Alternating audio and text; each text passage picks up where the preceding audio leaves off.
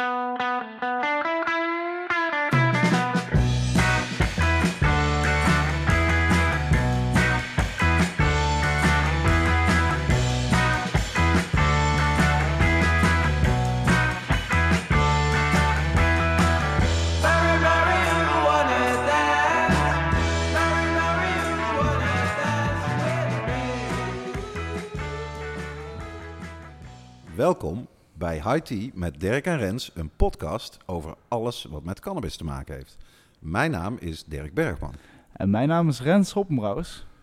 Dit is een bijzondere aflevering van High Tea, namelijk onze eerste opname op locatie. We zijn eh, met alle apparatuur achterin eh, naar het eh, enigszins regenachtige Noord-Holland gereden. Want we hebben vandaag een buitengewoon bijzondere gast. Jair Velleman. Jair, jongens. welkom. Dankjewel, dankjewel. Of, nou, Leuk. Ja, eigenlijk ons welkom. want Ja, we ja, zijn ja, op locatie. eh, bij, bij mij aan de, aan, de, aan de koffietafel ongeveer. dus eh, ja, we gaan een, een klein beetje over Jair hebben. Over zijn geschiedenis, eh, wat hij nu aan het doen is en dergelijke. En ook eh, nog over een paar eh, nieuwsitems zoals het coronavirus. We kunnen er niet omheen. En, eh, en nog ook eh, eh, de, de Bierumse kwekers die, naar, eh, die een nieuwe locatie hebben gevonden. Dus misschien John en Ines. een- Zeker keer een goed nieuwtje. Ja, precies. Dus eh, laten, we, laten we eerst eh, naar onze eerste vaste rubriek gaan. Wat zit er in je joint vandaag? En eh, daar wil ik beginnen mee met, met eigenlijk met Jair, met onze gast. Ja, ik, ik denk dat ik heel oldschool ben. Ik hou van fruity. Dus ik, ik ben hier op een Super Silver Haze eh, aan het roken vandaag. die ik van een maatje in Amsterdam heb kunnen krijgen. Echt Nederlands product. Eh, eh, mooie kwaliteit. Eh, ik, ja, ik, je moet goed zoeken en heel af en toe vind je de juiste topjes. En ik hou van de, wat de, de, cerebral high, om het zo maar te zeggen. En ik hou niet van het hele diepe. Dan kan ik ook zorgen dat ik dit soort gesprekken kan blijven voeren. Ja, precies. Want als je mij een hele hoop koers geeft, dan, dan val ik stil. En dan krijg ik de indica down. En eh, Mhm. dat gaat niet helemaal werken. Dat is leuk voor de laatste joint op een avond. Maar zeker niet om hier een gesprek mee te voeren. Nee, ja, dat begrijp ik goed. eh. En een superstrain natuurlijk, Silver Race. Ik hou er zelf ook enorm van. Ja, nee, dat is... eh, ik, eh, le- wat ben jij eh, aan het roken? Nou, ik, ik had al een joint die op zich al best wel eh, de moeite waard was. Met, eh eh eventjes kijken, deze... eh, Oeh, ik pak het briefje er even bij. Oh ja, de Pink Lemonade Haze. Maar Van Jair, die had net een heel bijzonder eh, spulletje. Een vloeibare mix van Ja, terpenen. het is, eh, het is, nou ja, het is Die er overheen zit. Holy Water. En het is van Ja. een, van een iemand in Californië die dat heeft gemaakt. Er waren maar 10 flesjes van. En het bestaat er voor 50% uit terpenen en voor 50% uit vloeibare THC. En we hebben het nu over een jointje heen gestreken. Maar je kan er ook heel goed een cartridge mee vullen. Oké. Dus eh, Ja. ook supergoed voor, eh voor vapen en dat soort dingen. Maar eh, zeker, eh, ik heb het wel zoals toegevoegd aan wat eh, minder goede eh, isolator. En dan in één keer krijg je weer een fantastisch product. Dus eh, het is van over een jointje smeren naar in een cartridge doen. Ja, en dan krijg je de echte Amerikaanse smaken. En die, die, die, die Ja, merk je nu ook. Dat is, Heerlijk, ja. Ja, een mirakel spulletje. ja inderdaad. Jij Ik- hebt volgens mij dat ook een, eh, een kleine eh, een behandeling klein- gehad voor jouw joint. Maar wat, wat zit er in jouw joint verder vandaag, Het is, eh, het is de- die champagne... Of, Ah, die brandy wine. Ja. eh. En die combineert ook goed met holy water. Het is, eh, ik moet rustig aan doen, want het is, ik Ja, merk nee, wel het is wel. Het is, heel het is, het is- potent... het- het- het- opeens wordt het een stuk potenter. ja, dus, eh, dus eh, nee, we doen rustig aan. Nou, kijk, En, ik, ik, ik, ik dab wel eens, maar niet heel vaak. En ik vind concentraten heel erg lekker. Dus ja, dan doe ik het heel oud op zijn Nederlands. Ik draai een spliff. En dan Oh stop ja? ik wat van het Amerikaanse concentraat in. En als die Amerikanen dat zien, dan vinden ze dat verschrikkelijk. Ja. eh, Jij gaat niet voor de eh, dab rig. Vloeken, ja, ik, heb wel ik heb wel. een dab rig, maar dat, ja, nee, niet heel vlug. Dat doe ik meestal als er wat mensen langskomen. Ze zeggen, oh, dabben. Nou, oké, dan pakken we rig en dan dabben we wat. Maar nee, het is, eh, op dat punt ben ik heel old school. Nou, goed om te horen, want ik dacht dat ik de enige maloot was die dat wel eens deed met concentraat. Maar eh blijkbaar meer. Nee, nee, nee, nee, van nee, dan ben je zeker niet de enige balloot. Dat is ook de reden waarom ik ook nooit diamonds en sauce gebruik, want dat is niet Ja. in de joint te verwerken. Dus eh, dat is Nee. alleen leuk voor een deprik. En leuk voor de foto's Ja, natuurlijk. leuk voor de foto, zeker die voor hele grote. Hoeveel karaat is het? Ja, zeker. Eh, eh, Ik vroeg me, ja, we, we zullen eerst eventjes de mensen voor, ja, even laten of, hoe moet ik inlichten wie Jair eigenlijk is. Voor de, misschien zijn er luisteraars die eigenlijk geen flauw idee hebben wie, bij wie we eigenlijk op bezoek zijn. Zou je een kleine introductie kunnen geven van uzelf? Hmm, Wauw. Eh, ten eerste tutoyeren we altijd. Hè. Eh, nee, eh, wauw. Ik, ik kweek wiet sinds ik 16 ben, denk ik. Ik rook daarvoor al. Ik weet nog dat ik vroeger op mijn 15 al ergens in Amsterdam in de koffieshop te vinden was. Dat kon toen nog. Dat is tegenwoordig allemaal wat lastiger geworden. En eh, ik heb mijn eerste, mijn eerste 300 plantjes stonden in de kelder met eh, drie keer 1000 watt toen ik 16 was. De kelder van mijn moeder. Mijn moeder wist ervan. Sorry, mams.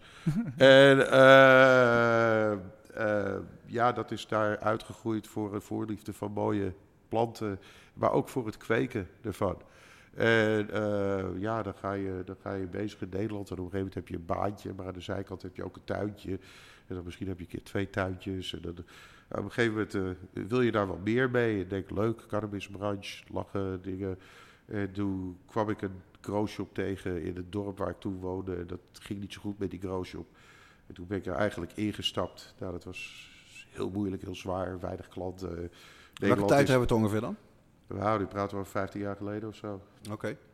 En eh, vanaf de growshop eh, ben ik, zijn we doorgedaan. En op een gegeven moment vond ik leuke nieuwe producten, ook uit Amerika. En die, die, in 2007, eh eh, wat ik, groothandel begonnen in Nederland, in, in, in tuinproducten en allemaal dingen. En in eh, 2007 ben ik naar Amerika gegaan, heb ik tegen mijn partner gezegd van ik denk dat ik naar Amerika ga voor een reisje en ik denk dat ik daar ga proberen om te kijken of daar eh, de, de, de cannabisindustrie is. Want daar kunnen we ook Nederlandse kweekproducten aan verkopen. Nou, dat was in de tijd dat niemand daar nog over nadacht. Ik was de enige Nederlander aan de overkant. En eh, iedereen zei van je gaat naar de gevangenis. Nou, dat is niet gebeurd. Ik heb inderdaad de, de hydroponics, heette dat toch toen, de hydroponicshandel in ja. Amerika kunnen vinden. Eh, en ehm, heb daar contacten gemaakt met de producten die ik toen had. Ik was toen bezig met substraten, en kweektentjes en allemaal dingen die ik deed om, om maar wat een centje te kunnen verdienen. Dat ging best aardig naar Amerika. Het was nog niet de, de, de enorme boom toen die, het nu, die jullie nu allemaal zien. Was toen allemaal wat kleiner. Een grote kweker was 100 lampen. Nou, nu zijn grote kweker 10.000 lampen. Dus, dus het, was een andere, het was een ander formaat. Want jij ging naar Californië, neem ik aan. Ja, ik ben echt begonnen in, eh, in Humboldt, of eh, eigenlijk in Californië. Dat Ja. is waar de markt was, dus daar ga je ook heen. Dat was ook omdat ik het leuk vond om eindelijk een keer naar Californië te gaan. En eh, ja, ze hadden natuurlijk Prop eh, 251 gehad. Dus, dus ik wist dat daar medische cannabis was, dus daar gebeurde iets. En dat wou ik, dat wou ik meemaken. Ik wou erheen, ik wou kijken of ik dat kon vinden. En eh, toen begon ik een beetje te handelen, wat spullen naar Amerika te sturen, wat spullen uit Amerika te importeren, die ook in Nederland verkocht konden worden en in Europa. En toen, twee jaar later, toen werd ik ehm, gevraagd door een verlichtingsbedrijf in Nederland, en dat heette Gavita, was al 25 jaar in de agricultuur, om een keertje langs te komen. En dat kon, ik deed substraten en naast Gavita zat de substraatboer, daar deden we heel veel zaken mee. En ehm, ze zagen elke keer die trailers rijden. En de eigenaar van Gavita die vroeg hem van, goh, hoe zit dat? En hij zegt, nou, ik heb die jongens, die doen best wel leuk zaken. En misschien wil je eens met ze praten. Nou, toen ben ik eh, bij Gavita naar binnen gelopen. Op een dag heb ik met de eigenaar gepraat. En eh, ik zeg, ja, maar ik ga niet voor je werken. Ik denk dat we inderdaad iets kunnen doen. En die liet me toen een dubbel-ended lamp zien. Dat was toen nog vrij nieuw. Dat, niemand had er ooit over nagedacht om dat te gebruiken voor cannabis. Dat bestond een paar jaar nog maar. Dat was een samenwerking met Philips geproduceerd. Eh, eh, en dat werd gebruikt in de grote kassen in Nederland. En ik vroeg letterlijk van, goh, kan je daar ook cannabis onder kweken? Ja, alleen het is alleen maar geschikt voor 400 volt, drie fasen. En toen heb ik de hele simpele vraag gesteld, zouden we hem ook op 240 kunnen doen, zodat we hem gewoon thuis kunnen gebruiken? En daar hebben we 10 seconden op een antwoord gewacht. Hij zegt, ja, dat is technisch mogelijk. Nou, dat is het, was het begin van een bedrijfsidee. Ehm, we hebben die eh, eh, producten aangepast, opnieuw geproduceerd, die lampen. Ehm, ik wou natuurlijk niet voor ze werken, want ik was een ondernemer. Dus we hebben toen eh, een nieuwe Gravita opgezet. We hadden natuurlijk Gravita Nederland. Dat was dus voor de tomaten, de komkommers en dat soort dingen, waar ze al 25 jaar mee bezig waren. Toen hebben we Gravita Holland opgezet en wij hadden het contract voor de cannabis. Nou ja, dat, Buiten eh, Nederland dus eigenlijk. Nee, Nee, Nederland. gewoon, überhaupt. gewoon, gewoon überhaupt wereldwijd. Oké, ja. Want als er in Nederland een gelicenseerde cannabisbedrijf zou zijn, dan zouden we die ook aanleveren. Ja. Ja, daar is helemaal geen probleem mee. En ehm, eh, ja, nee, dus, dus we zijn gaan zoeken naar, eh, eh, weer terug met de lamp naar Amerika gegaan, Ja. onder mijn arm. En iedereen in die tijd, het, het meeste gebeurde toen de tijd in Humboldt. Dat is nu wel een beetje verwaterd, maar toen was Humboldt de plek in Amerika waar het meest gekweekt Ja. werd. En Ground de- zero dat was ground zero, om het zo maar te zeggen. En eh, eh, ik ging naar Humboldt en ik ging met mijn lamp onder mijn arm ging ik naar kwekers toe. Want ik geloof dat je onderaan moet beginnen. En iedereen vertelde me, de kwekers in Humboldt zijn, echt, Humboldt zijn echte boeren. En die verander je niet van de manier waarop ze dingen doen. En dat was voor mij de, de manier waarom ik de eerste vijf keer naar Humboldt ben gegaan toen ik naar Amerika reisde. En eh, moest daar echt kwekerijen inlopen. En dat was best leuk. Dan ga je met een pick-up truck eh, een of andere berg op over een zandpaadje. En opeens is er een, een gate, een, een poort waar je dan doorheen moet. En er staan een stel jongens op, een, op trikes met, met machinegeweren en, eh, en eh, bandana's voor hun gezicht. Zo. En eh, dus ja, de eerste keer dat je dat gebeurt, denk je, oh jee, dat, dat ben je niet gewend. In Nederland zie je dat niet heel vlug, laat ik het zo zeggen.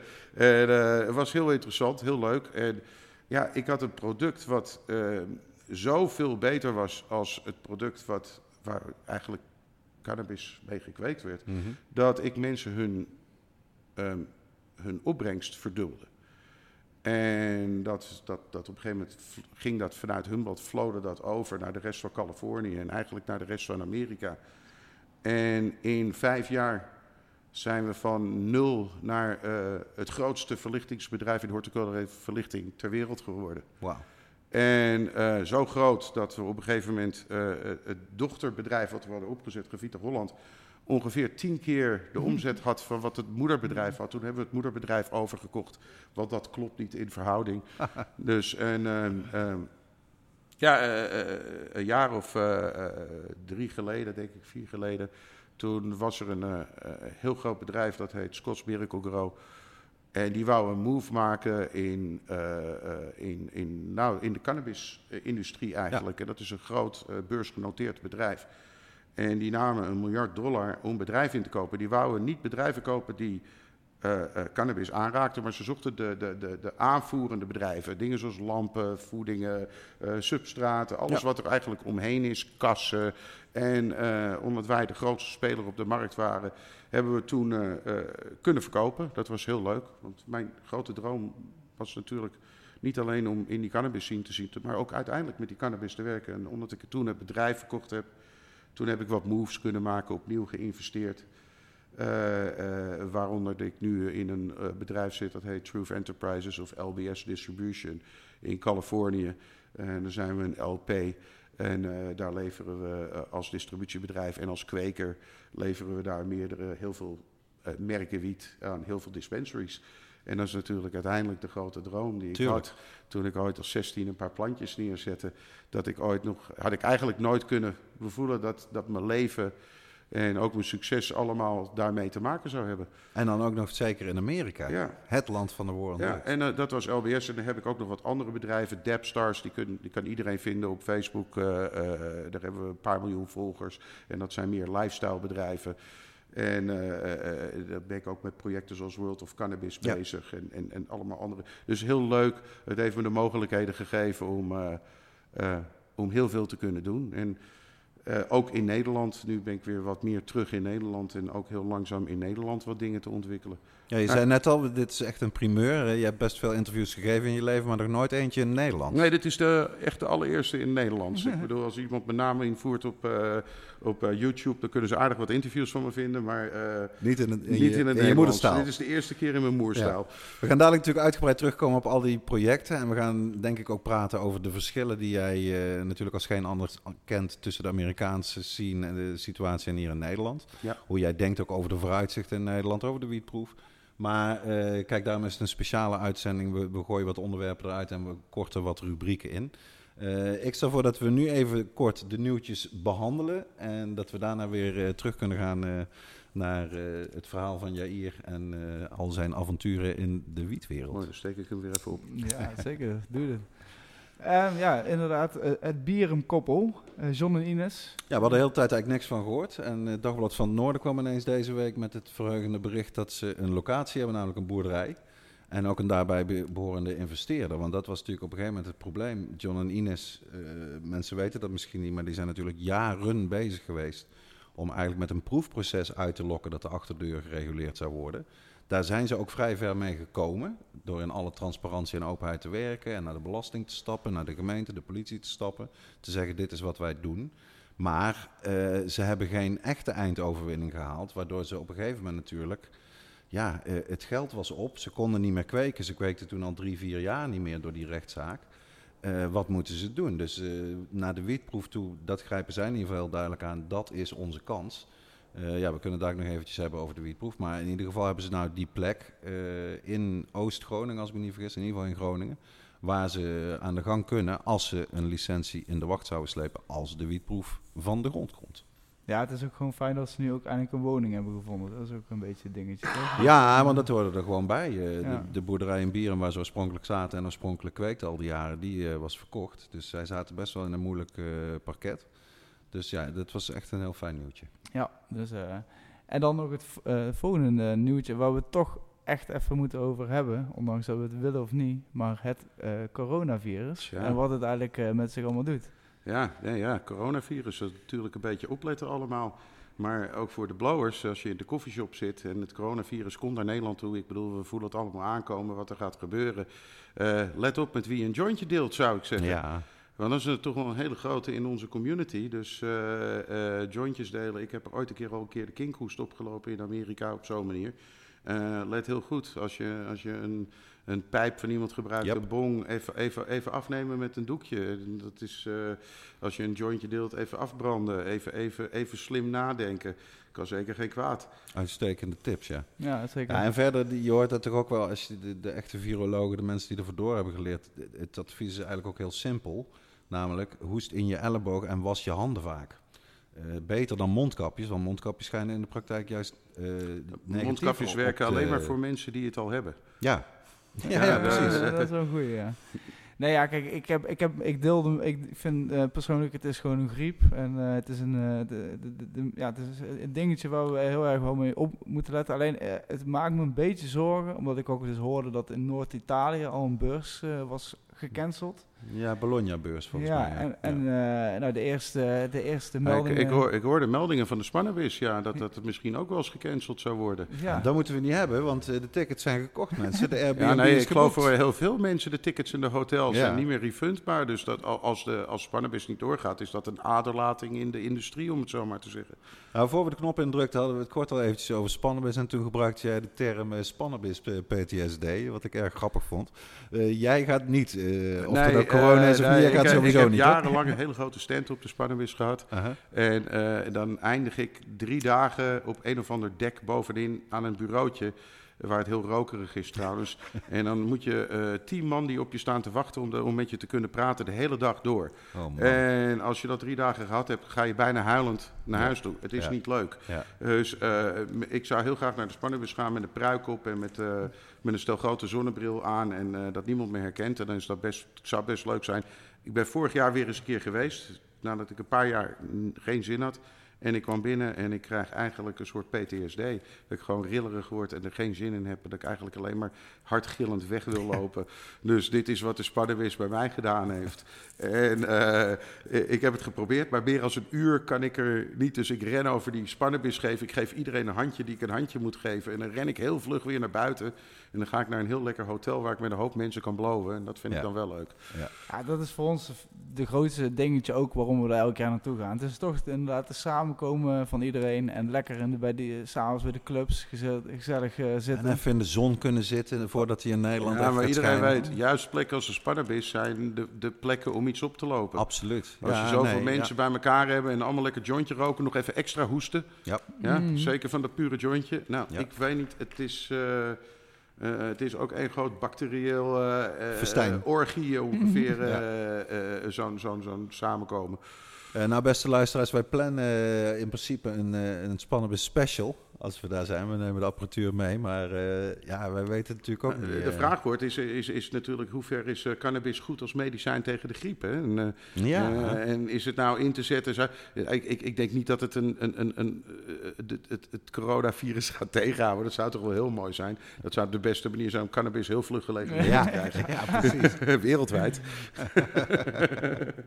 Goh, als we dat zouden kunnen bewijzen. Nou ja, het zou. eh, ik, ik, ik persoonlijk, ja. Ik moet zeggen, als ik griep heb of zo, of ik ben echt koortsachtig, dan, eh, dan weet ik niet of dat blowen echt eh, mijn. eh, ik heb er niet heel veel zin in. Als ik echt ziek ben, dan, nee. Olie eh, is dan een gaat- goede wordt die optie, toch? niet aangeraakt bij mij. ja, Dan moet je gewoon druppelen. dat kan natuurlijk ook. Ja, zeker weten. Maar, Verder is er nog enig nieuws uit Luxemburg, maar hier wreekt zich het feit dat ik daar geen printje van heb meegenomen en ik de cijfers niet paraat heb. Maar de eerste schets zou je kunnen zeggen van de, de daadwerkelijke legalisering in Luxemburg, die is eh, uitgelekt of gepubliceerd deze week. En wat ik wel heb begrepen is dat er maar twee producenten daar gaan komen, twee vergunde telers. Ja, maar dat is geen legalisatie, dat is decriminalisatie.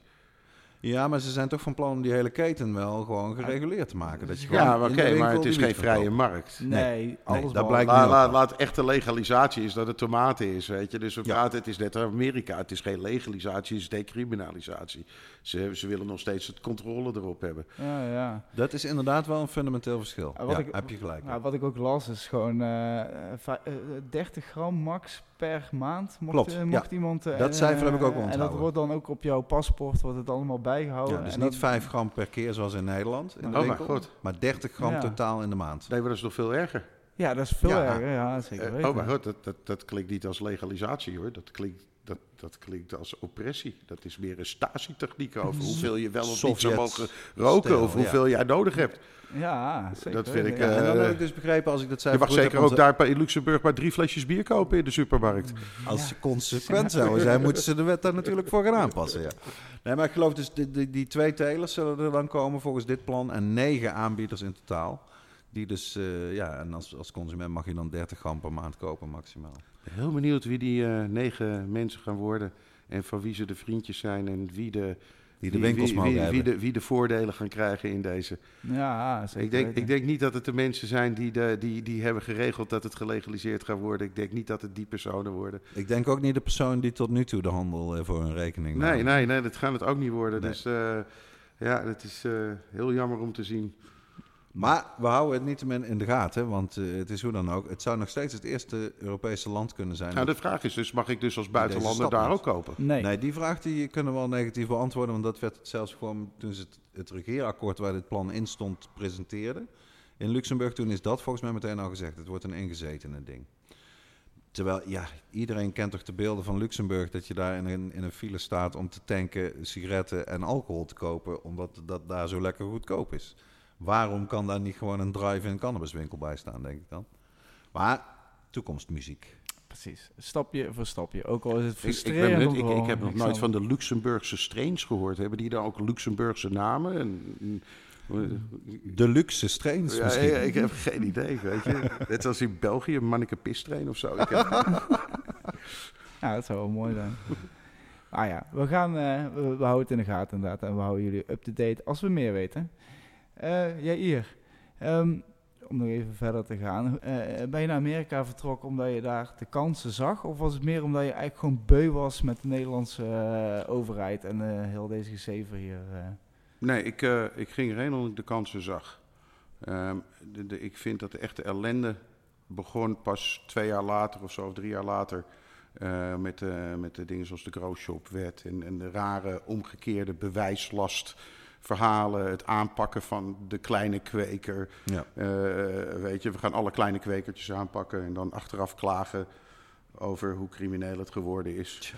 Ja, weet je, dus, dus, dus ja, dit- dit- het was gewoon te zien dat ze gewoon beleid deden en dan achteraf klaagden over de uitkomst van hun eigen beleid. En, en, en, en dan ook nog eens een keer juist de, de, de kleine jongens aanpakken en de, de mensen die het voor de passie doen en voor het medicinaal. En ja, dat, de ellende was niet te overzien. En heel eerlijk, dat, dat was niet het land of het, het liberale, vrije Nederland, wat ik, eh, dat was meer een soort Stasi-achtige aangelegenheid geworden. Eh, waarin eh, mensen worden gevraagd om op hun buren te snitchen. En eh, te, te verraden. En Ja. belt misdaan anoniem. En hier heb je een kraskaart. Dan ruik je wiet. En als je dit ruikt, dan moet je meteen, eh, meteen de politie bellen. Weet je, ja, dat, sorry, dat zijn van die NSB-activiteiten. Daar heb ik gewoon heel weinig mee. Dus ja, als de, als de regering dat gaat ontwikkelen, dan moet ik. En ik wil graag in cannabis blijven, want ik, ik, ik ben super passioneel over deze plant. Ja. En ook over de mogelijkheden van die plant. Alleen, alleen in Nederland kon je jezelf gewoon niet ontwikkelen als, als, als cannabisondernemer.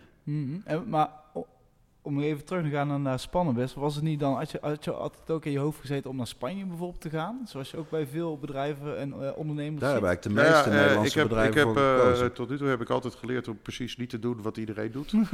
Eh, dat is me altijd heel goed bevallen. Dus eh, ik, eh, ik, eh, ik ga nooit achter de grote meute aan. Dat hebben we ook gezien. Want een paar jaar later, toen zagen we heel veel Nederlanders terugkomen uit Spanje. Eh, heel veel mensen met heel veel problemen. Russische maffia die daar toch wel wat meer de scepter uit dan de Nederlanders dachten. En eh, toch een hoop mensen die, eh, die toch heel langzaam op hun schreden zijn teruggekeerd. Ja. Dat hebben we allemaal gezien. We hebben gezien dat iedereen naar Spanje rende. En we hebben ook gezien dat zeker de helft of 70 procent daarvan alweer terug is in Nederland. Dus het hele Spanje-verhaal ben ik blij dat ik daar niet in getrapt ben. Nee, Nee. ik, ik heb het risico genomen, ben naar Amerika gegaan.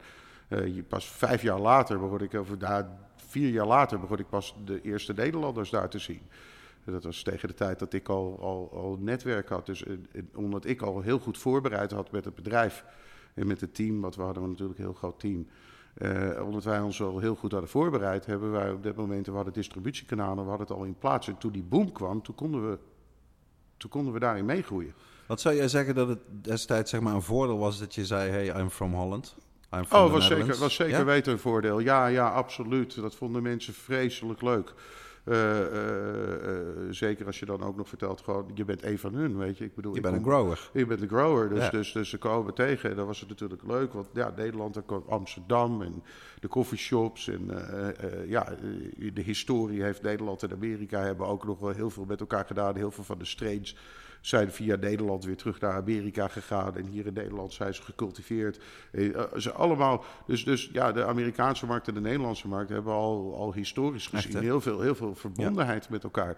En eh, heel veel Amerikanen waren ook in Amsterdam voor een hele lange tijd door de liberale wetten. En dat hebben we jammer genoeg, hebben we al die leuke, interessante mensen, die zijn weer teruggegaan naar Amerika. Die hebben we echt nou, ja, dat, dat- nou ja, niet weggejaagd. De opportunity was weer Ja, thuis. Ja. Dus ja, dan ken ook een aantal van die dat, mensen En dat, en dat eh, begrijp ik. En, en, en ik hoop dat dat met Nederland ook nog eens een keer gebeurt. Dat wij ook nog eens een keer in die echte renaissance terechtkomen... waar we praten over echte legalisatie... en niet over een of ander achterlijk poldermodel. Ja, want zo komen we vanzelf eigenlijk op de wietproef eh, te praten. Ja, Ik heb het idee dat jij denkt dat de wietproef niet meteen een doorslaand succes zal gaan nou worden. ja, ik, ik, eh, ik heb erover nagedacht. Ik heb alle papieren doorgelezen. eh, heb daar ook andere mensen naar laten kijken. Ik heb daar heel veel besprekingen over gehad. Want ja, ik heb met, zeker met, met Gavita hebben we natuurlijk de- geholpen aan de grootste kwekerij ter wereld te bouwen. Dus ik weet hoe ik ze moet bouwen.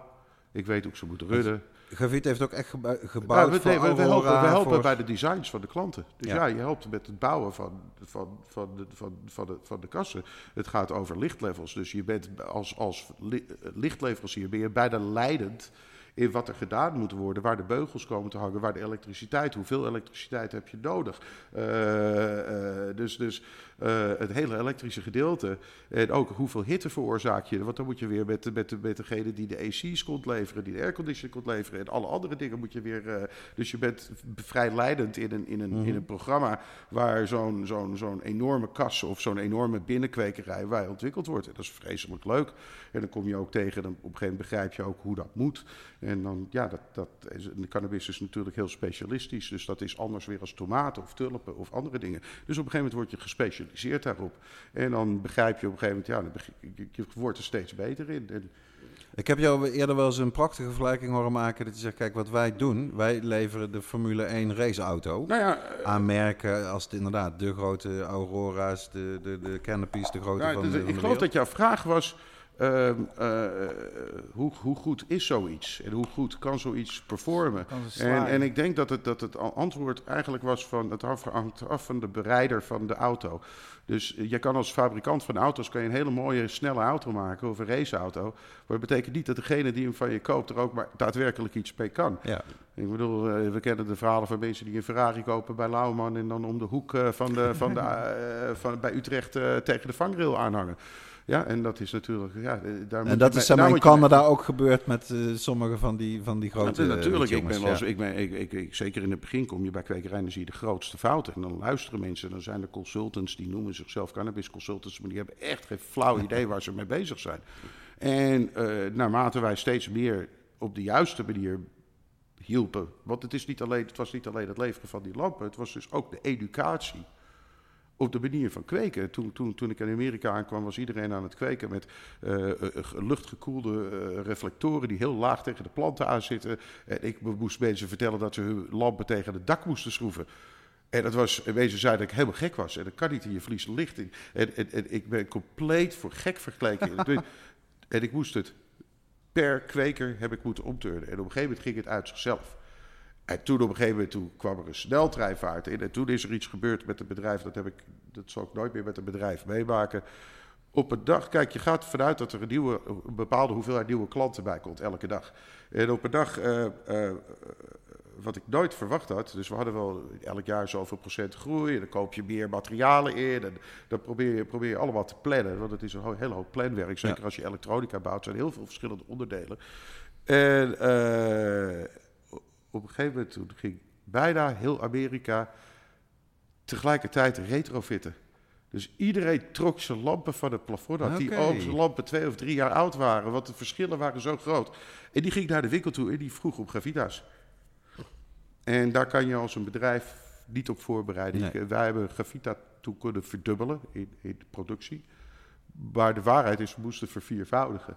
En ik weet nog hoe moeilijk het was. We zijn beide kapot gegroeid. Eh, maar het was, het, was alsof ik op een raket zat als een bedrijf. Het, het ging zo hard. We deden containers per dag. En, eh, dat was, de, dat, die, daar was niet tegenaan te slepen. En ik kan me herinneren, ik deed de verkoop in Amerika op dat moment alleen. Mhm. En ik had de hele Amerika, dat deed ik helemaal in mijn uppie. En ik werd op een gegeven moment maar vier maanden thuis gaan zitten. Ja. Omdat ik niks meer had om te verkopen. Echt waar, ja? Omdat je gewoon zo, ja, alles was weg. Te hard. eh, de ja, leveranciers zeggen, we hebben geen onderdelen meer. En er zijn niet genoeg lampen. En er was, het, was, het was er gewoon niet. En hadden jullie daar dan ook nog zeg maar, slimme marketing, promotiecampagnes, billboards, eh, advertenties? Of was dat puur... nee, dat was ik. Ja, wauw. Ja, is... Vertel Eh, meer. eh, eh, Jij ging nee, gewoon naar de eh, kwekers? dat was ik. Ja. Ik, had, ik, ik heb de eerste, ik geloof de eerste vier, vijf jaar heb ik geen sales team gehad. Heb ik heel Amerika in mijn- in mijn uppie gedaan. Mezelf bijna ook doodgewerkt. Ja. Eh, vier uur slaap per nacht en dan weer door. Drie maanden op, drie maanden af, drie maanden op, drie maanden af. In het begin deed ik twee weken op, twee weken af. Maar ik zat continu een heel jaar in de jetlag. Dus Ja. ik kon niet meer. En toen ben ik drie maanden op, drie maanden afgegaan. Eh, en dan slaap je elke nacht in een ander hotel. Je bent elke dag ergens anders. Waanzinnige verhalen, zo mooi. Ik heb, eh, ik heb Amerika gezien hoe, hoe de hele legalisatie van de grond kwam. En hoe, hoe het zich vanaf heel weinig naar nu heel veel gaat. Maar hoofdzakelijk om een hele industrie educatie te kunnen geven. Want het was niet het verkopen van een product. Het was mensen uitleggen hoe ze het anders moesten doen. Ja. En dat, dat heeft me... Ja, dat, dat heeft me heel veel eh, voordelen. Mensen zijn daar super dankbaar voor. Mhm. Dus eh, eh, ik had ook op, je hebt niet vreselijk veel promotie nodig als je een goed product hebt Ja. performt en je bent first to market. Dus, maar dat waren we. We waren first to market. We hadden disturbing technology. Ja. Nou ja, als je dat hebt, dan heb je kans op die, dat, dat iedereen je aanneemt. En Gravita had op een gegeven moment een punt bereikt dat het echt een cultproduct was. Mhm. Je kan niet anders kweken als met een Gravita. En dat Ja. is nog steeds, hoor je dat nog wel een beetje resoneren. Industry standard. Ja, dat is toch wel, het is toch ook nu de industry standard. Dus, eh, en eh, de- zeker die verandering.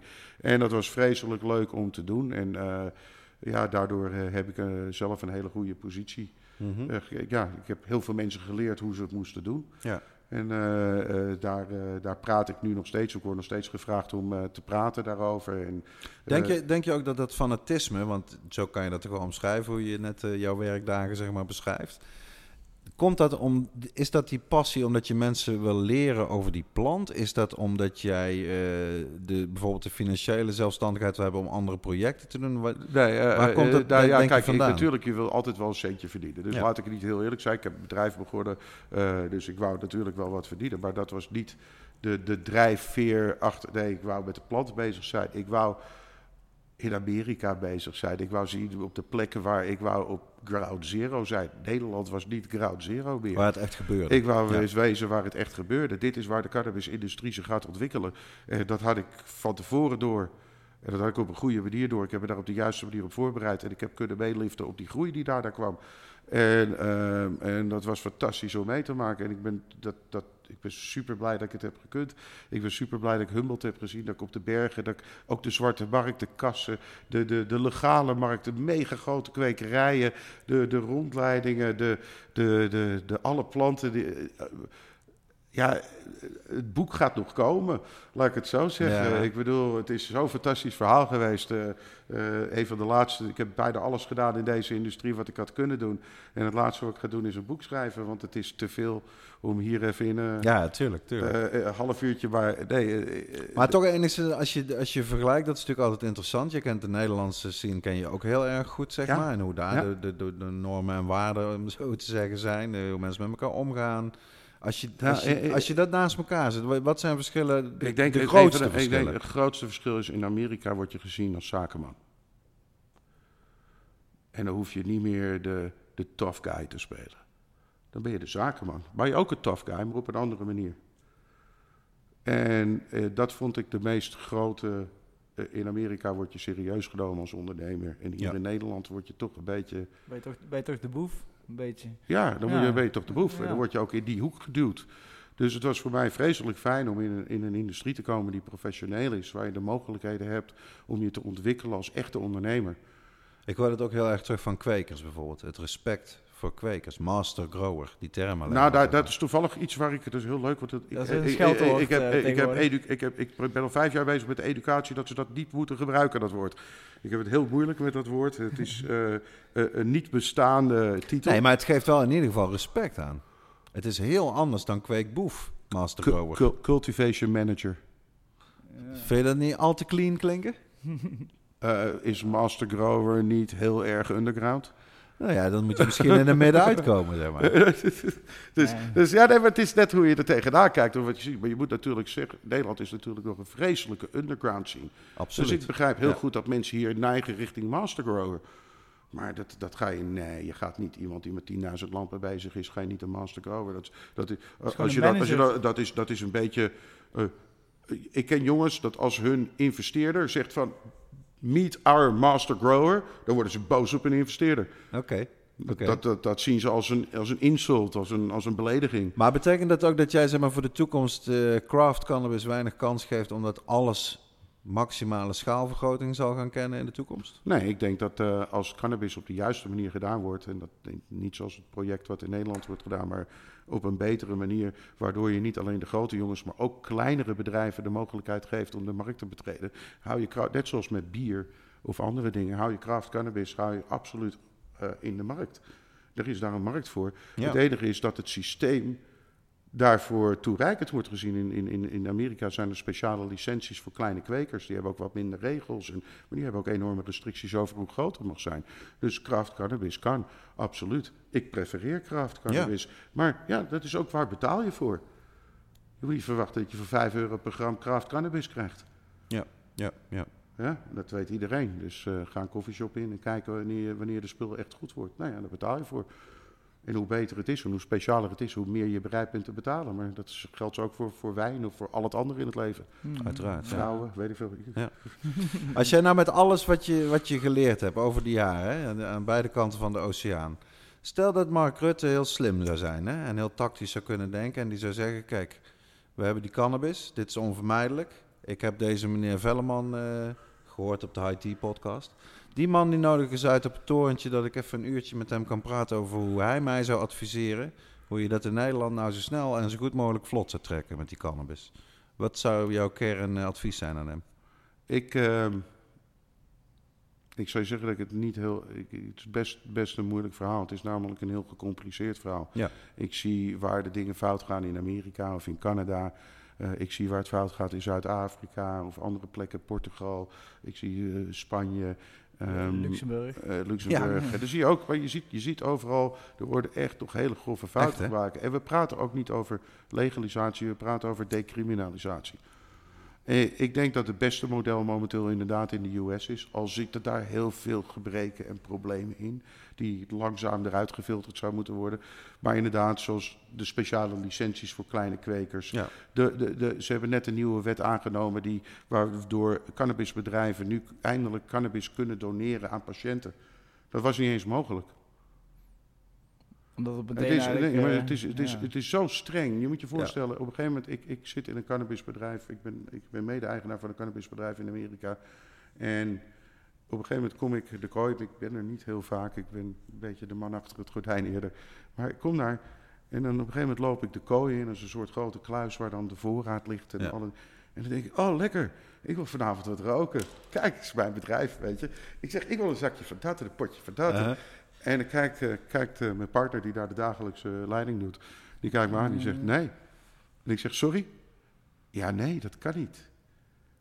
Dat is die, ook die wetgeving, dat je Dat überhaupt kan, nooit kan- iets mag nee, weggeven. Het kan dus gewoon dan niet. En dan moeten we letterlijk in de auto stappen om naar het dispensary te rijden, zodat ik mijn eigen producten verpakt kan kopen. Ja, dat is echt bizar. Ja, dus, dus, Ja. dus dat geeft aan als mensen vragen... Heb je dat ook hoe- gedaan? Ja, dat heb ik gedaan.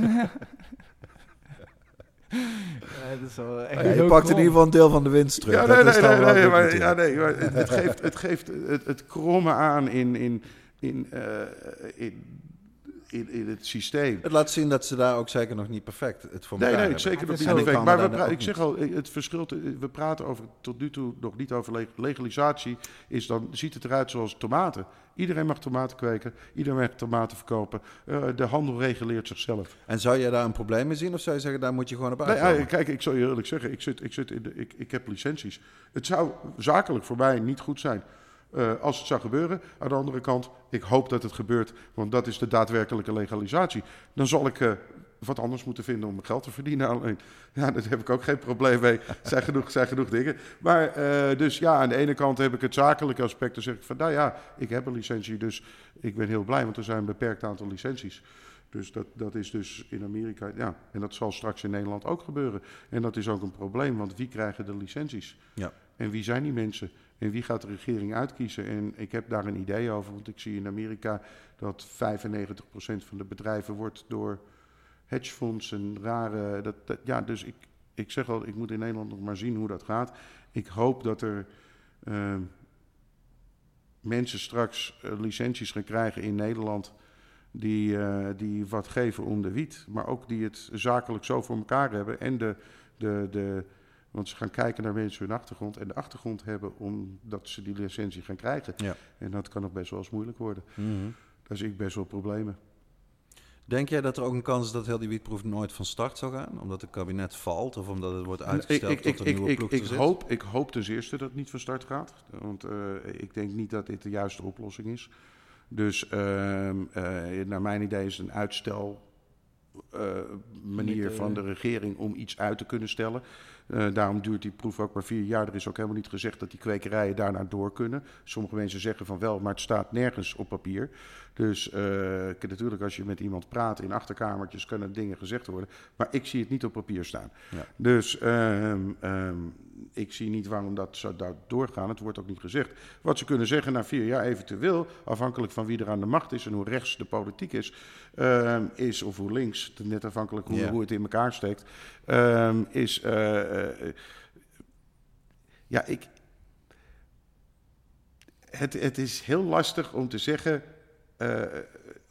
Het gaat werken. Want ik denk dat het niet gaat werken. Mhm. En de reden dat ik denk dat het niet gaat werken is om een paar dingen. Ten eerste heb je het waterbedeffect. Op het moment, en hetzelfde reden, als je, dan gaan we weer op die wijnfabrikant uit of Mhm. die wijnwinkel. Je loopt de wijnwinkel binnen, je hebt 300 soorten wijn. Je hebt altijd je favoriete wijntje, die komt uit Zuid-Afrika van een bepaalde streek. Die vind je heel erg lekker, want daar is een zuidzijde van de helling waar dan bepaalde druiven op groeien. Je denkt, oh, dat is helemaal mijn ding.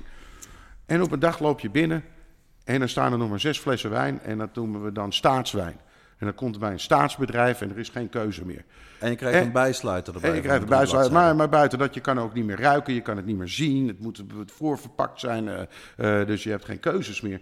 Ehm, Maar het is wat, wel wat, schoon. wat, wat, doe, wat doe je? Als, je? als je die wijn koopt en je wil die wijn hebben, dan ga je naar je buurman, want die heeft nog een paar kratjes in zijn, in zijn, in zijn, in zijn achterbak staan van zijn Ja. auto. En dan ga je deeltjes maken. De coffeeshops zijn juist in het leven gebracht om minder zwarte markt te creëren. Waarom proberen we dan weer zwarte markt te creëren? Tja. En wat je krijgt is dus letterlijk, en dat hebben we ook gezien met de wietpas, dat mensen gewoon naar het volgende koffieshop gaan waar ze het wel leveren. Ja, volgende dorp, volgende dus je, hebt, eh, je legt gewoon een hele, je legt de helft van de koffieshops van Nederland om. Nou, het zijn 80 die meedoen volgens mij, van de Ja, 570. ja, fantastisch. Ja. Nou, zeg maar dag met je handje. is nog steeds een hoop natuurlijk. Ja, nee, nee, is goed, maar het gaat, eh, gaat heel duur worden. Ik denk dat ik een koffieshop dicht zou gooien, gewoon net zolang tot het na vier jaar dat ik hem weer open kan zetten. Er is volgens mij een koffieshop in Zaandam die dat ook als eh, strategie heeft gekozen. Maar ja, nee, maar ik, ik kan je heel daar eerlijk zeggen dat ik, ik denk dat het een hele slimme strategie is. Ja, Dan heb je zegt- ook geen kosten. Die zegt, ik ga nog liever vijf jaar dicht, Ja, kan je beter gewoon vijf jaar de deur sluiten. tot het voorbij is. Tot het voorbij is en dan kan, gooi je, dan kan het uiteindelijk weer terug. Maar het is ook wel leuk als een koffieshop. Dan moet je je voorstellen. eh, je moet dus nu een koffieshop. Werk je al misschien tientallen jaren met je kwekers. Mensen die, waar je van op aan kan dat ze je supply geven door, door weer en wind en moeilijke tijden. En nou moeten ze eerst zeggen tegen kwekers, nou sorry, bedankt. Maar ik spreek je over vier jaar weer. Ja. Ja, dat hebben wij letterlijk... eh, Ja. Ik, ik, ik weet niet hoor, maar... eh, dat staat letterlijk in een van onze VOC-brochures waarin we inderdaad zeggen, die wietproef, hè? wat is dat? En daar is natuurlijk ook een erg belangrijk punt bij. We hadden gewoon een wietwet van D66 die gewoon voor het hele land, voor alle koffieshops tegelijk, de achterdeur zou reguleren. En eh, die is in de ijskast beland. En daar is de wietproef voor teruggetoverd.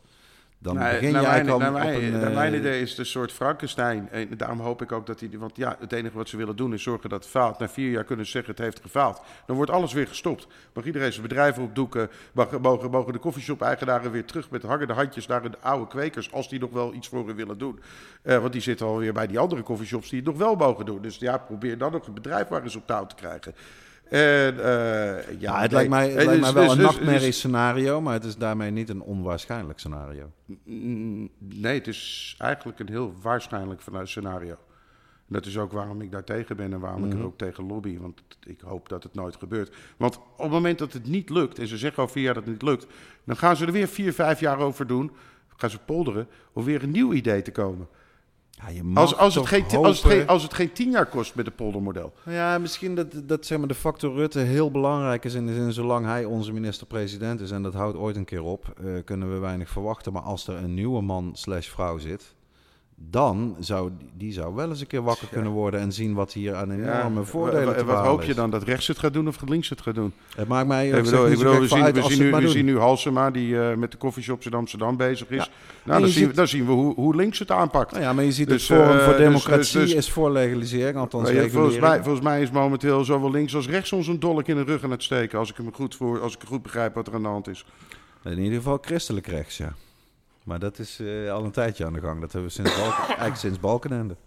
We hadden het erover sinds 2009. Dat is ook het jaar waarin het VOC is opgericht. eh, om in ieder geval een dam op te werpen tegen deze afschuwelijke ellende allemaal. En Ja. ik, denk, ik denk dat het ook belangrijk is, net zoals het VOC. Mensen moeten een stapje vooruit zetten, moeten durven te gaan praten, moeten Ja. in het licht stappen. Uit de kast Als komen. uit de kast komen, iedereen, iedereen is nog een beetje. En ik begrijp dat het heel eng is. En het is voor mij ook eng. Ik zit hier op een, eh, eh, op een podcast te vertellen over wat ik allemaal gedaan heb en wat ik aan het doen ben. En ik zit hier gewoon in Nederland. En ik zal je zeggen, omdat ik heel lang in de industrie zit, zeg, al mijn vezels zeggen: hou je mond dicht. Regel nummer één. Regel Ja. nummer twee. Hou je mond dicht. Maar als we Regel verder nummer willen komen... Hou, je, hou, je, hou je stomme mond dicht. Ja. het is juist belangrijk dat we moeten gaan praten, dat we naar buiten komen. Dat we met z'n allen een front vormen. Het maakt niet uit dat het één groep is, twee groepen, drie groepen of tien groepen. Precies. Zolang iedereen maar een stapje zet. Ja. En als iedereen één stap zet, dan is dat een hele grote stap samen. Dat is ook de reden waarom ik in Nederland ook een beetje mijn voet erin zet. Terug momenteel. bent. Ja, Ja. terug ben. Ja. Leuk. Een beetje boos. Ik ben terug in Nederland gekomen en een beetje, ben een beetje boos geworden. Want ik denk dat wij moeten het beter kunnen. En we zijn zoveel misgelopen al, omdat we het al... We zijn... De Nederlandse staat is zo achterlijk veel geld misgelopen, Echt, omdat we ja. deze rit al gemist hebben. Ja. En ik werd laatst door Bloomberg geïnterviewd en die zegt van, eh, van eh, zijn jullie bang dat jullie het aan het missen zijn? Ik zeg nee, het is al gebeurd. Ja.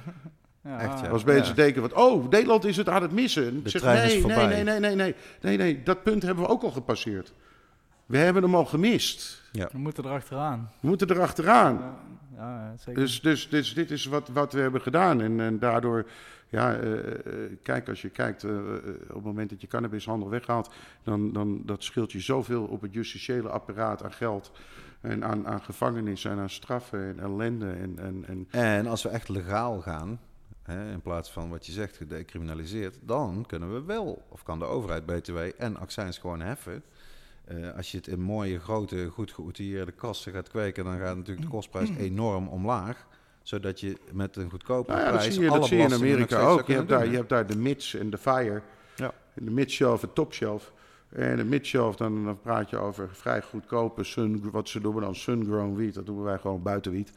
En, Dat is toch eh, ook een schitterende term, jij hier. Ik vind het ook wel een nou, Nog mooier dan Master Ze vonden outdoor vonden ze niet helemaal meer. Sun-grown. Dus ze hebben daar sun-grown van gemaakt. Dus, dus tegenwoordig wordt buitenwiet wordt, wordt sun-grown genoemd. I love it.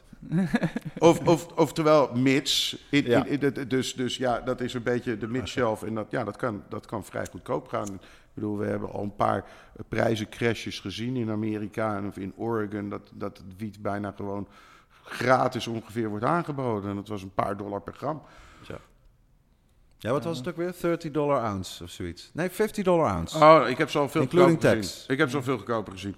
Maar ik vond dat al, jee, als je dat Nee, door nee, gaat ik heb, rekenen, ik heb het 30 veel. gram Nee, maar voor, kijk, als, voor je, als, 50 je, als je dollar. een markt loslaat, dan laat je ook een markt los. Ja. En dan gaat iedereen denken, ik, Kijk ga, wat, ik ga wat verdienen. En dan krijg je natuurlijk heel veel aanbod. En het aanbod is af en toe veel hoger dan afgenomen wordt. Nou ja, dan krijg je een verhaal dat de prijzen instorten. Tja. Dat is natuurlijk heel leuk voor de eindgebruikers. Ja. Nou, een dingetje waar ik toch nog eigenlijk een vraag over wil stellen. Ik, kwam, ik was gisteren een beetje aan de neus op, op je Facebook en ik kwam ik een mooi verhaal tegen. Eh, wat je met inderdaad met jouw eh, museum, want daar hebben we ook Ah. nog niet over gehad. Ja. Ja, Eh, laten we het daar sowieso even ja, over laten we hebben. daar eens eerst over hebben. Hoe, hoe ben je daarmee begonnen? Of het ik, op een gegeven moment had ik mijn bedrijf verkocht. En ik heb wel, ben wel in wat nieuwe bedrijven gestapt. Maar ik was niet zo actief meer als ik bij het andere bedrijf was. Dus ik had wat tijd over. En ik denk, ik wil iets gaan doen. Iets, iets, iets, iets doen voor de cannabisindustrie. Iets doen voor een, s- een stukje dankbaarheid. En toen had ik het idee om, het is niet echt een museum, het is eigenlijk een project wat ik doe. En het heet The World of Cannabis. En het is eigenlijk de moderne cannabishistorie van de laatste 100 jaar die ik ongeveer aanpak, misschien 130. En er zijn heel veel verhalen die niet goed zijn uitgeschreven, niet helemaal kloppen. Er zijn heel veel verhalen die amper, mensen amper kennen. En het zijn hele mooie verhalen over hoe deze industrie, hoe dat, en dan praat ik eh, een stukje over Nederland, maar ook heel veel over Amerika ook. En hoe die industrie nou echt eh, eh, naar boven is gekomen. En hoe, dat, en hoe de prohibitie van, van cannabis, dus, dus de, het illegaal maken van cannabis, hoe dat gegaan is. En wat voor consequenties en wat voor voorvechters er zijn geweest. En wat voor mensen hebben wat voor opgeofferd om te zorgen dat wij nu vrijelijk wiet kunnen roken. En ik vind dat, eh, zeker omdat er ook heel veel fouten zijn gemaakt. Ook met de prohibitie van cannabis hebben de mensen, zijn mensen in de gevangenis gegaan voor 30 jaar voor het roken van één enkele joint. Ja. Ja, en er zijn dingen gebeurd die, die, die verschrikkelijk zijn in de war on drugs. En ehm, je moet zorgen dat ehm, verhalen en geschiedenis moet, moet verteld worden. Want als geschiedenis niet verteld wordt, dan worden fouten herhaald. En we moeten zorgen dat fouten niet herhaald worden. En, en World of Cannabis is een manier. Ik ben al jaren bezig met het sparen van allemaal artefacts en allemaal verhalen. Maar het wordt een, een, een expositie, maar het worden ook stukken die we schrijven, die we gaan publiceren. Het worden eh, documentaires waar we mee bezig zijn. We zijn momenteel met documentairemakers aan het praten. Om Echt een bepaalde multimedia project. het is een multimedia project en het, is, het, het, het, het heeft ook niet een, een hele vaste vorm. Het is een beetje mijn, mijn eigen persoonlijke... Je pet project. Het is mijn pet project. Ik heb heel veel Ik zag je projecten. nou te benen eigenlijk meteen toen we hier binnenkwamen op tafel staan. En een paar echt hele mooie medicijnflesjes. eh, ja, uit de periode dat cannabis nog gewoon een medicijn was voor het verbod. Cannabis Ja. tinctuur, eh, prachtige potjes. Nou ja, af en toe als je, als je die, die ingrediënten bij elkaar ziet, en dan, ziet, dan, dan zijn dat, dat was een feestje in een flesje hoor. Dan combinaties van cannabis en opium en cocaïne. En ik bedoel, toen begrepen ze nog wat extra, echte medicijnen waren. Dus eh, dat eh, nee, het was absoluut een feestje 100 jaar geleden bij de apotheek. Ja, Dat, eh, Ja. Ik begrijp dat die man goede handel had. Dat, dat, dat was duidelijk. Ik weet niet of alles even goed was. Chloroform en andere dingen die ze toen allemaal gebruikten. Maar ja, nee. Het, is, het, is een, het is een geschiedenisproject. En, en, en, het, en een stuk daarvan, van een heel stuk van de geschiedenis van cannabis, heeft zich ook in Nederland eh, eh, afgespeeld. En veel meer dan een hele hoop Nederlanders weten. Want een hele hoop Nederlanders die kennen zelf heel weinig van de geschiedenis van wat Nederland eigenlijk betekend heeft in, in, in, de, in, de, in, de, in de annalen van de cannabis eh ja ik kan het alleen maar maar beamen. Van En, politici eh, tot journalisten en tot niemand heeft het flauw benul. Mensen, mensen weten het niet. Niemand vertelt het verhaal. Het is nergens te lezen. Ehm, daar, is tijd, daar ga ik verandering in brengen. En dat werkt, nou ja, eh, buiten dat we natuurlijk, als je bekijkt hoe prohibitie van cannabis begon, dan probeer je natuurlijk over de, de zwarte jazzmuzikanten in Amerika. En eh, ja, dat, dat, dat was natuurlijk een racistisch iets, want die waren natuurlijk cannabis aan het roken. En de mensen zoals, Mexicanen. de mensen Ja. zoals Louis Armstrong, en die ook voor Ja. cannabis is opgepakt.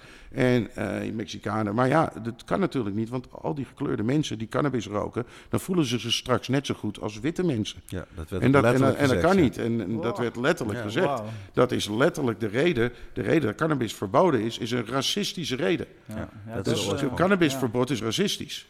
Ja, dat, Er is geen andere reden als racisme dat cannabis verboden is geworden.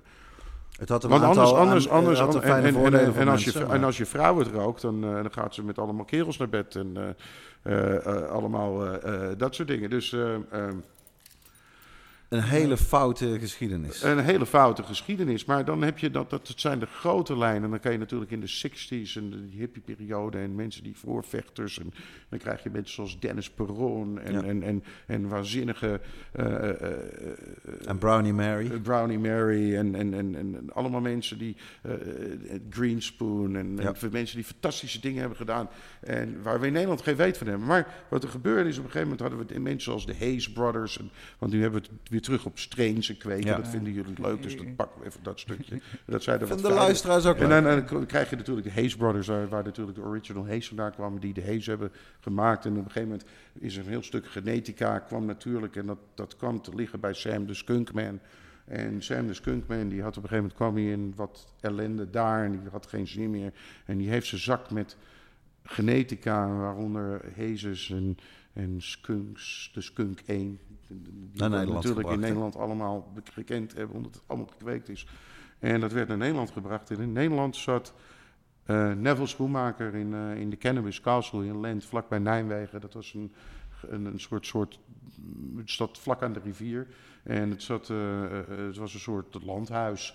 Ik ben, daar, ik ben daar nog vaak geweest. Ik heb de planten nog gezien in de kelder Ik daar. Dus ja, ook oké. nou, zo, zo, oké. Dus, eh, Gebouwd door een brouwer. Dat is ook weer zo'n ik, leuk ik, ik, detail. heb, ik, heb, daar- ik heb daar gezeten. Dan was ik met Alan Dronkers, de zoon van Ben Dronkers, had ik daar een jointje. Maar dat was natuurlijk ver na die periode al. Ja. Toen woonde Alan er en eh, toen was het al een andere situatie. En, ehm, maar eh, ja, daar was Neville. En Neville had daar de Seed Bank of Holland. En dat was de eerste seed bank ter wereld die internationaal verkocht. Ja. Er waren wel andere seed banks, maar hij was degene die durfde naar Amerika te verkopen. Hij zette En- een advertentietje in de High Times. hij zette hè? advertentie in de High Times. En, en, en, Dat liep eh, wel. ja, en toen heeft hij op een gegeven moment is hij met Sam gaan werken. En, en toen is hij met die soorten aan de slag gegaan. Heeft zelf ook wat soorten. Hij was eigenlijk een kanariekweker. En Ja. hij dacht, dat kan ik ook wel met cannabis. Wat hij enigszins ook gedaan heeft. Of hij nou zo fantastisch is Als hij achteraf wordt beweerd, dat betwijfel ik. Sterker nog, toen ik de World of Cannabis ben ik heel veel mensen gaan onderzoeken en heel veel research gedaan naar mensen. Waaronder Samuel Skunkman en, en, en om te kijken wat er waar is en wat nou niet waar is. Super interessant. Ja, en het blijkt dat Neville gewoon een hufter was. De eerste, Ik heb hem maar eerste- één keer de hand geschud. de maar- eerste vier personen die ik sprak Nauwelijks over Neville, die met hem gewerkt hebben, die vlogen allemaal, die ontploften allemaal. Eh, die vertelden allemaal onafhankelijk aan elkaar wat een enorme, rottige man dat was. Ja, en ik, eh, eh, ik heb daar heel lang over nagedacht, want ik ben met Neville gaan onderzoeken toen hij nog leefde. En terwijl ik bij een onderzoek bezig ben, is hij, is hij gepasseerd. Ja, vorig jaar, hè? Ja. Dat hele Kumbaya-gevoel wat iedereen heeft als hij de verhalen op internet leest. Op het moment dat je daar de echte verhalen gaat. Dan Die zijn wordt toch er- net iets eh, anders. Ja, zijn toch net iets anders als eh, de, de, de Legends of Cannabis. Maar dit- deze mensen zijn legends, maar het is...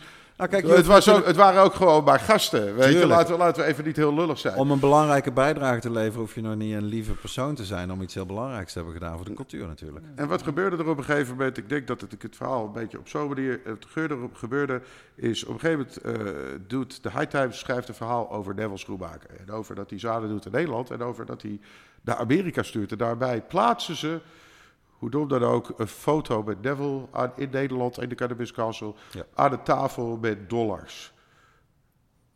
Ja, en dat vindt de FBI natuurlijk verschrikkelijk leuk. En toen dat triggerde iets wat heette Operation Green Merchant. Waarin eh, allerlei mensen werden getarget in de jaren negentig is dit. Alle mensen werden getarget. Er zijn 3000 man in de gevangenis vertrokken. Eh, Eigenlijk eh, iedere eh, ja, adverteerder ja, wat, er- wat er gebeurde, wa- de, de, de, de, eh, eh, Neville had een distributeur in, in, in Michigan, geloof ik.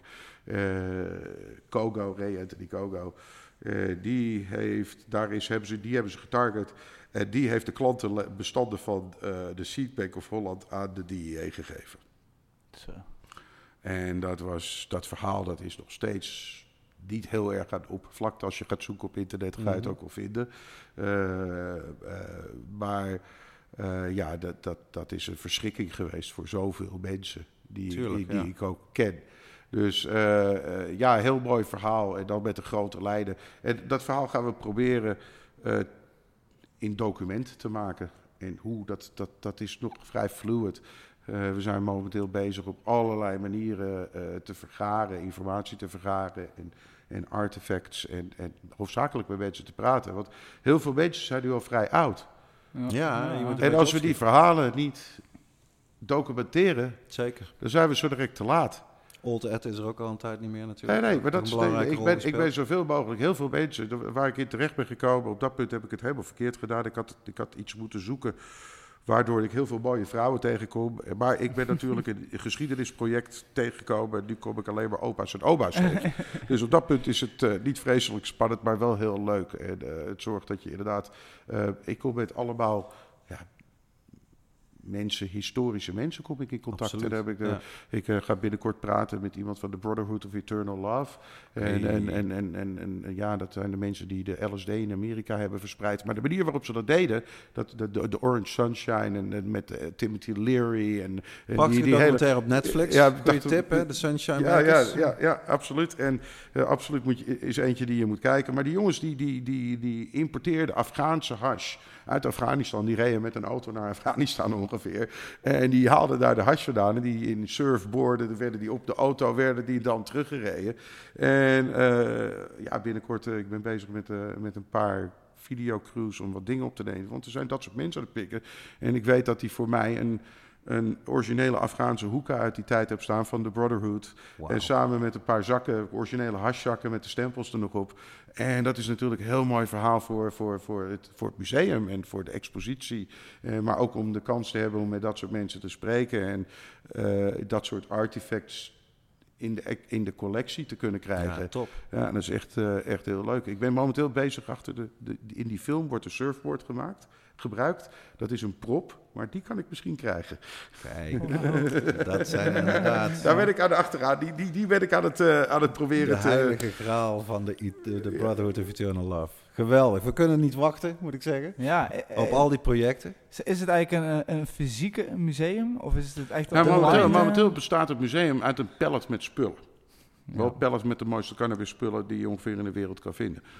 Ehm, eh, het is de bedoeling dat het een fysieke expositie wordt. Of het een permanente expositie wordt. Of dat het een tijdelijke pop-ups worden over de wereld heen. Of misschien zelfs een mobiele expositie. Daar zijn we nog mee bezig. Dat het een expositie wordt, oh ja, zeker weten. Ik heb niet zoveel tijd en geld erin gestopt dat ik, er, dat ik nu met de pallet met spullen We gaan het ooit zeker kunnen Ja, ja, het gaat zeker bekijken, gebeuren. Maar het kan, het kan, eh, het- het- het- Ik weet nog wel een mooie plek waar het ook eh, zo mooi eh, zou kunnen staan. Ja, eh. over Growlands hebben we deze aflevering niet gehad. De vorige natuurlijk wel. Maar eh Growlands eh, in de jaarbeurs natuurlijk in Utrecht. 28 en 29 augustus. Wie weet eh, dat we daar misschien al iets kunnen gaan, eh gaan ik zeg maar iets hoor, Daniel. Nee, maar, ik moet eh, even, dat is heel vlug. Ik moet Ja. even kijken. Maar ik, ik zit erover, ik, ik, als een mobiele, ik heb erover zitten nadenken. Je hebt van die hele mooie trailers, die, waar de zijkanten zo uit Ja, elkaar kunnen ja. schuiven. En ik heb er serieus, o- loop ik erover na te denken om te kijken of ik dan een trailer ga doen. En die wil ik dan eerst gewoon op een paar plekken eh, in Europa doen. En dan zet ik hem op de boot naar Amerika. Dat is het voordeel als je hem zo eh, hebt, hè? Ja. Ja, dan, zet je hem, eh, dan, dan, dan, dan vervoer je hem gewoon eigenlijk. Dus dat is iets waar ik momenteel aan het kijken ben. Maar als ik een hele mooie permanente locatie of semi-permanente locatie zou vinden, zou ik daar ook wel naar kijken. Alleen ja, het probleem is met een museum moet je toch op een A-locatie zitten. Ja. Wil je de aanloop krijgen die je nodig hebt om... Je kan niet ergens... ja, om, nou, om nou op te poppen ergens op een industrieterrein. Ik weet niet of dat... Of dat dus de, de, dus, nee, daarvoor vind ik het te mooi. hmm, maar Dus, die, eh, ja, die verhalen, maar die documentaires. Ik kan echt niet wachten tot ik die... Nou ja, eh, het, is, het is heel interessant, want je gaat natuurlijk allerlei concepten verzinnen. En denk je, oh ja, en dan kom je met eh, filmmakers, documentairemakers. En dan ga je eens kijken en dan denk je, oh leuk, dit is misschien wel ook leuk voor Vice of voor Netflix. Of voor, en dan kom je in een hele andere rol terecht. En ja, dat wij bijvoorbeeld naar, naar die jongen van Bordeaux of Eternal Love, dat is een nieuw, dat is een pilot voor een programma wat we aan het schieten zijn. eh, eh, wat Cantropology gaat heten. Dat is, eh, je weet Tuurlijk, anthropology, ja. dat is de, de research van, eh, van, de, van, de, van de menselijke cultuur. En cantropology is dus de research van de cannabiscultuur. Sweet. Echt een geweldige naam. Ja, dat is, die naam hebben we, Ik ken we, we- die, ja, die naam hebben we- Anthropology. Cantropology, die naam hebben we getrademarkt. En eh, we hopen daar een, eh, een soort programma te maken waar dus over de wereld eh, bij mensen binnenlopen die iets hebben gedaan in de cannabisindustrie. Bij al die En, cannabis eh, legends. nou ja, je hebt wel eens American Pickers gezien of zo, Mhm. dat programma. Nou, het is eigenlijk zoiets, alleen dan doen we het met cannabis. Ja, zeker. heel- Ik zou het kijken. Ja, zeker. Kan niet wachten. Ja, kan nog wel even duren, maar de, de projecten duren lang. Hè? Ja, dat is, eh, Ja, goede, nou ja, goede dingen die hebben gewoon tijd nodig ja, natuurlijk. net zoals goede wijn. Ja, absoluut. Precies. Oké, ik zou zeggen, Jair, heel erg bedankt voor jouw gastvrijheid, voor je prachtige verhalen. En heel erg veel succes met eh, al je projecten in de toekomst. Yes. En eh, alle luisteraars ook weer bedankt voor het luisteren naar deze speciale uitzending. En eh, tot de volgende keer. Ja, bedankt jongens. En we gaan nog even een jointje roken, denk ik. Ja. Goed Dat idee. denk ik denk wel. Hey, Tot de volgende. tot ziens.